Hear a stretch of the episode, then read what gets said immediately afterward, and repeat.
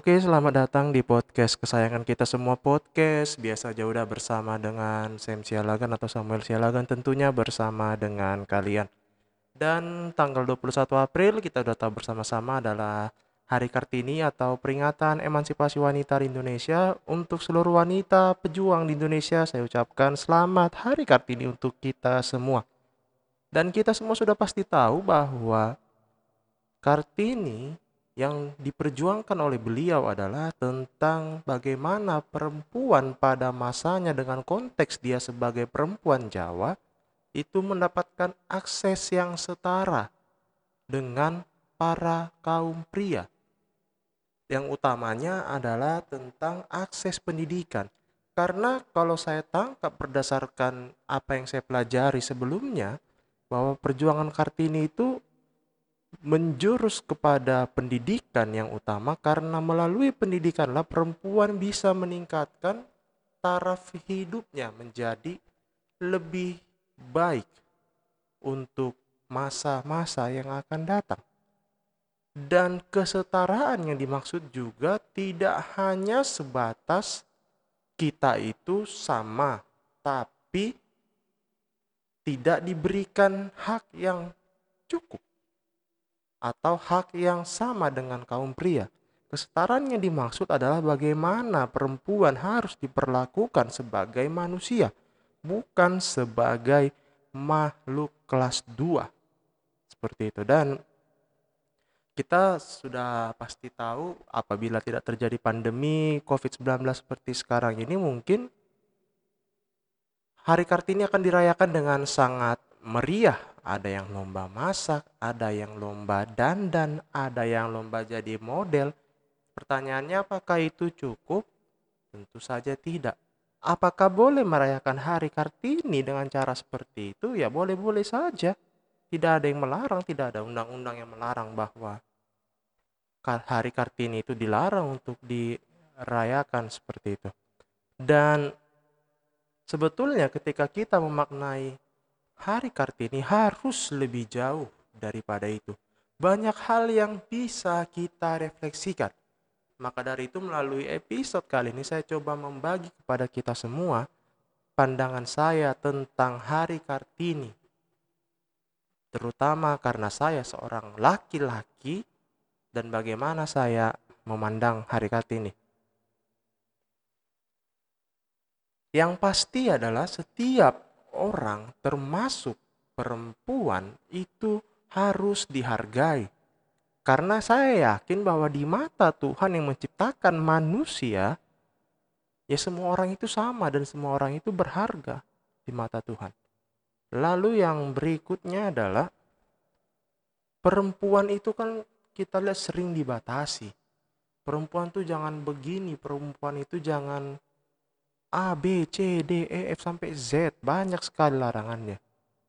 Tapi sebenarnya perempuan itu adalah makhluk yang memiliki peran banyak atau multi peran sama seperti laki-laki. Jangan kita membatasi bahwa apa yang dilakukan perempuan itu hanya satu hal saja, misalkan mengurus rumah tangga. Kalau dibandingkan, kalau menurut saya ya, kerja perempuan itu sebenarnya kalau kita tarik berdasarkan cara pandang sosial masyarakat yang harus lebih banyak di rumah sebenarnya capek. Udah dia yang harus masak, udah dia yang harus bersih-bersih rumah, cuci baju, cuci piring, ngasuh anak yang seharusnya diasuh bersama-sama, bukan cuma bapaknya tahu bikin doang seperti itu. Berat sebenarnya pekerjaan seperti itu. Dan oleh karena itu, harus kita yakinkan kepada rekan-rekan kita perempuan bahwa perempuan itu multiperan, tidak bisa dibatasi hanya karena dia perempuan. Kecuali kalau ada pertimbangan bersama, misalkan supaya anak punya waktu lebih dengan orang tuanya, maka ibu di rumah, ayah bekerja, dan ayah harus bertanggung jawab mengasuh anak ketika pulang kerja seperti itu. Itu terserah. Tapi jangan sampai dasarnya menjadi diskriminatif untuk perempuan dan meskipun ini agak berlainan dengan pernyataan-pernyataan saya sebelumnya, tapi untuk beralih ke cara pandang yang baru, tentu juga harus dilakukan secara perlahan. Lalu yang berikutnya menurut saya adalah perempuan itu punya hak. Jelas punya hak. Yang pasti ada hak hidup. Hak untuk hidup bahagia dengan keluarganya. Hak untuk bebas dari tekanan. Ada juga hak untuk bekerja. Perempuan bebas bekerja. Jangan pernah kita batasi perempuan itu harus di rumah, masak, nyuci, jadi kasur. Enggak bisa kita bukan zamannya lagi membatasi peran-peran seseorang. Kita lihat perempuan di luar sana banyak yang mengabdi. Misalkan di tengah situasi seperti ini jadi dokter, jadi perawat, jadi polisi, jadi pegawai minimarket yang menyediakan suplai makanan yang harus buka di tengah situasi seperti ini. Mereka tuh punya hak untuk bekerja, hak untuk mengabdi sesuai dengan panggilan jiwa mereka masing-masing. Jangan kita buat derajat atau kasta baru tentang perempuan seperti itu. Itu dia. Kalau menurut saya tentang hak bekerja. Dan perempuan juga punya hak untuk mengutarakan pendapatnya. Oke, kita yakini bahwa misalkan laki-laki menjadi imam, laki-laki menjadi pemimpin. Apakah pemimpin itu hanya dia saja yang berbicara, yang dipimpinnya tidak boleh berbicara? Tentu saja tidak. Silakan, bahkan harus wajib untuk memberikan ruang berbicara kepada perempuan. Lalu, hak pendidikan seperti yang di awal saya bilang tadi. Setiap orang berhak untuk mengenyam pendidikan setinggi-tingginya. Sering kali kita dengar, untuk apa perempuan sekolah tinggi-tinggi, toh juga jatuhnya ngurus anak dan ngurus dapur.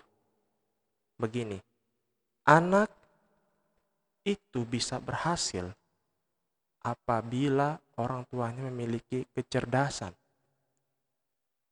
Oke, banyak perempuan yang sekolahnya tidak tinggi-tinggi amat, atau bahkan tidak sekolah, tapi anaknya berhasil. Pertanyaannya, apakah sebagian besar perempuan dengan kondisi seperti itu bisa membuat anaknya hidup lebih baik, maka dari itu bekal pendidikan itu menjadi hal yang penting yang tidak bisa ditawar-tawar. Anak yang pintar pasti lahir dari ibu yang pintar. Apabila si ibu memiliki pendidikan yang cukup, maka ada bekal yang lebih yang bisa diberikan oleh ibu kepada anaknya. Itu dia, tentang pendidikan. Lalu perlindungan hukum. Ini yang berat. Misalkan ketika terjadi kasus pelecehan kepada perempuan, pemerkosaan, terus dibilang, kenapa mau diperkosa? What? Man, don't do that again. Siapa yang mau melakukan sesuatu dengan terpaksa di tengah ancaman. Itu dia dasar yang paling jelas. Dan setiap orang berhak mendapatkan perlindungan. Jangan kita melihat misalkan perempuan mentang-mentang dia tomboy, mentang-mentang dia sering berpakaian pendek, dalam hal ini bajunya tidak terlalu tertutup atau celana pendek, terus kita bilang dia itu perempuan nakal yang berhak dia apa-apain sama lelaki suka hatinya itu dogol les bodoh sebenarnya justru yang salah itu pelakunya kenapa dia nggak bisa menahan diri kenapa dia harus melegitimasi keadaan seseorang untuk perbuatannya kan nggak mungkin dan untuk mengubah ini semua sangat berat. Kenapa? Karena masih ada saja batas yang harus dilewati oleh perempuan. Masih ada saja batas yang harus diterobos untuk membuat perempuan derajatnya menjadi lebih dihargai terutama oleh para pria. Dan untuk para teman-teman laki-laki atau pria di luar sana, emansipasi wanita tak bisa terwujud tanpa peran pria. Karena yang mau diangkat adalah kesetaraan, kesamaan hak. Oleh karena itu pria juga harus bersuara Meskipun yang pertama dituntut adalah perempuan itu harus berani menyatakan sikapnya, harus kritis, dan harus memiliki budi yang luhur atau memiliki cara pikir dan perilaku moral yang baik. Tapi itu semua tidak cukup apabila kaum pria tidak mendukung upaya-upaya untuk mengangkat derajat saudara-saudara kita yang perempuan. Akan tetapi, sering kali laki-laki takut terganggu dengan kemapanannya dengan membawa alasan adat kita sudah seperti gini A B C D C papung papuk tupuar. Sebenarnya adat nggak harus berubah, tapi paradigma kita yang berubah.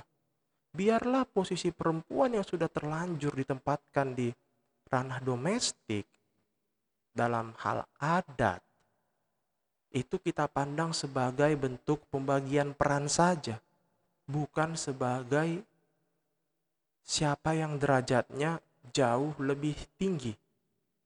Seperti itu. Saling menghargai satu sama lain.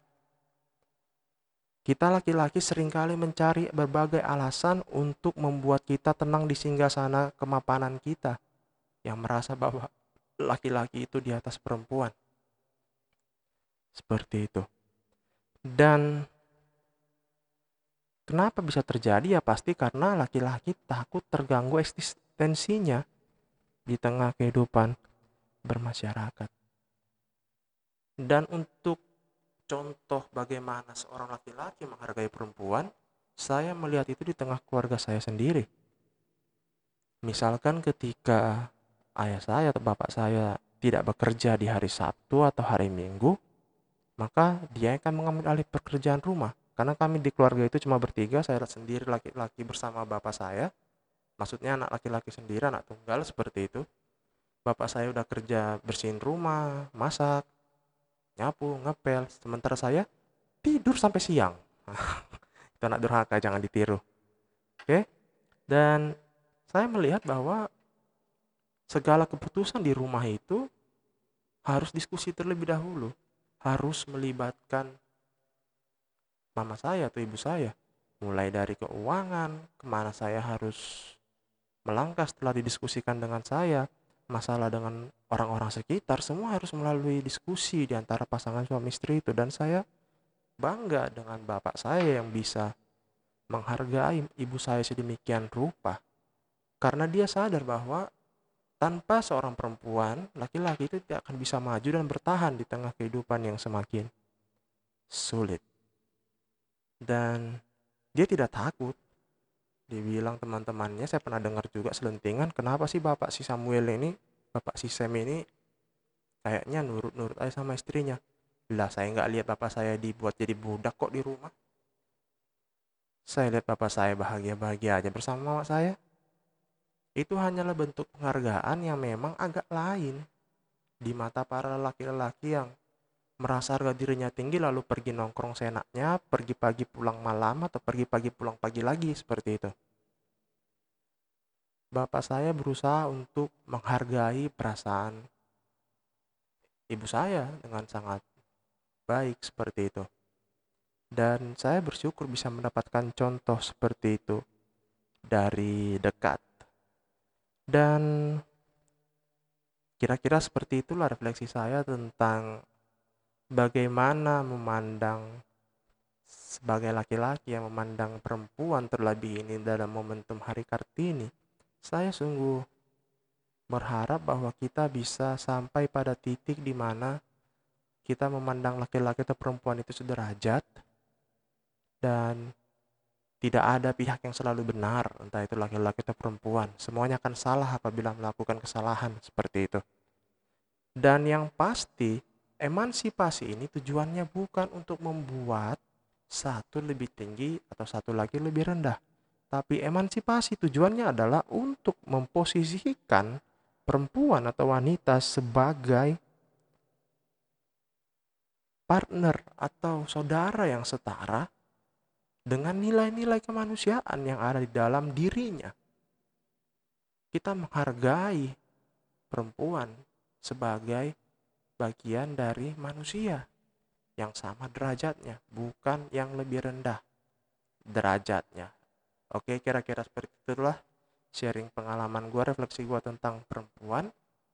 Dan apabila ada mau yang diskusi, silahkan kirim ke alamat IG at podcast biasa aja udah di DM nanti kita bisa diskusi-diskusi dan apabila ada yang hendak ingin kolaborasi bareng tapi saya masih gagap soal teknologi Zoom dan sejenisnya nanti mohon dibimbing juga kita bisa diskusi hal tentang perempuan ataupun tentang banyak hal yang bisa kita diskusikan. Oke, demikian episode hari ini, episode kali ini.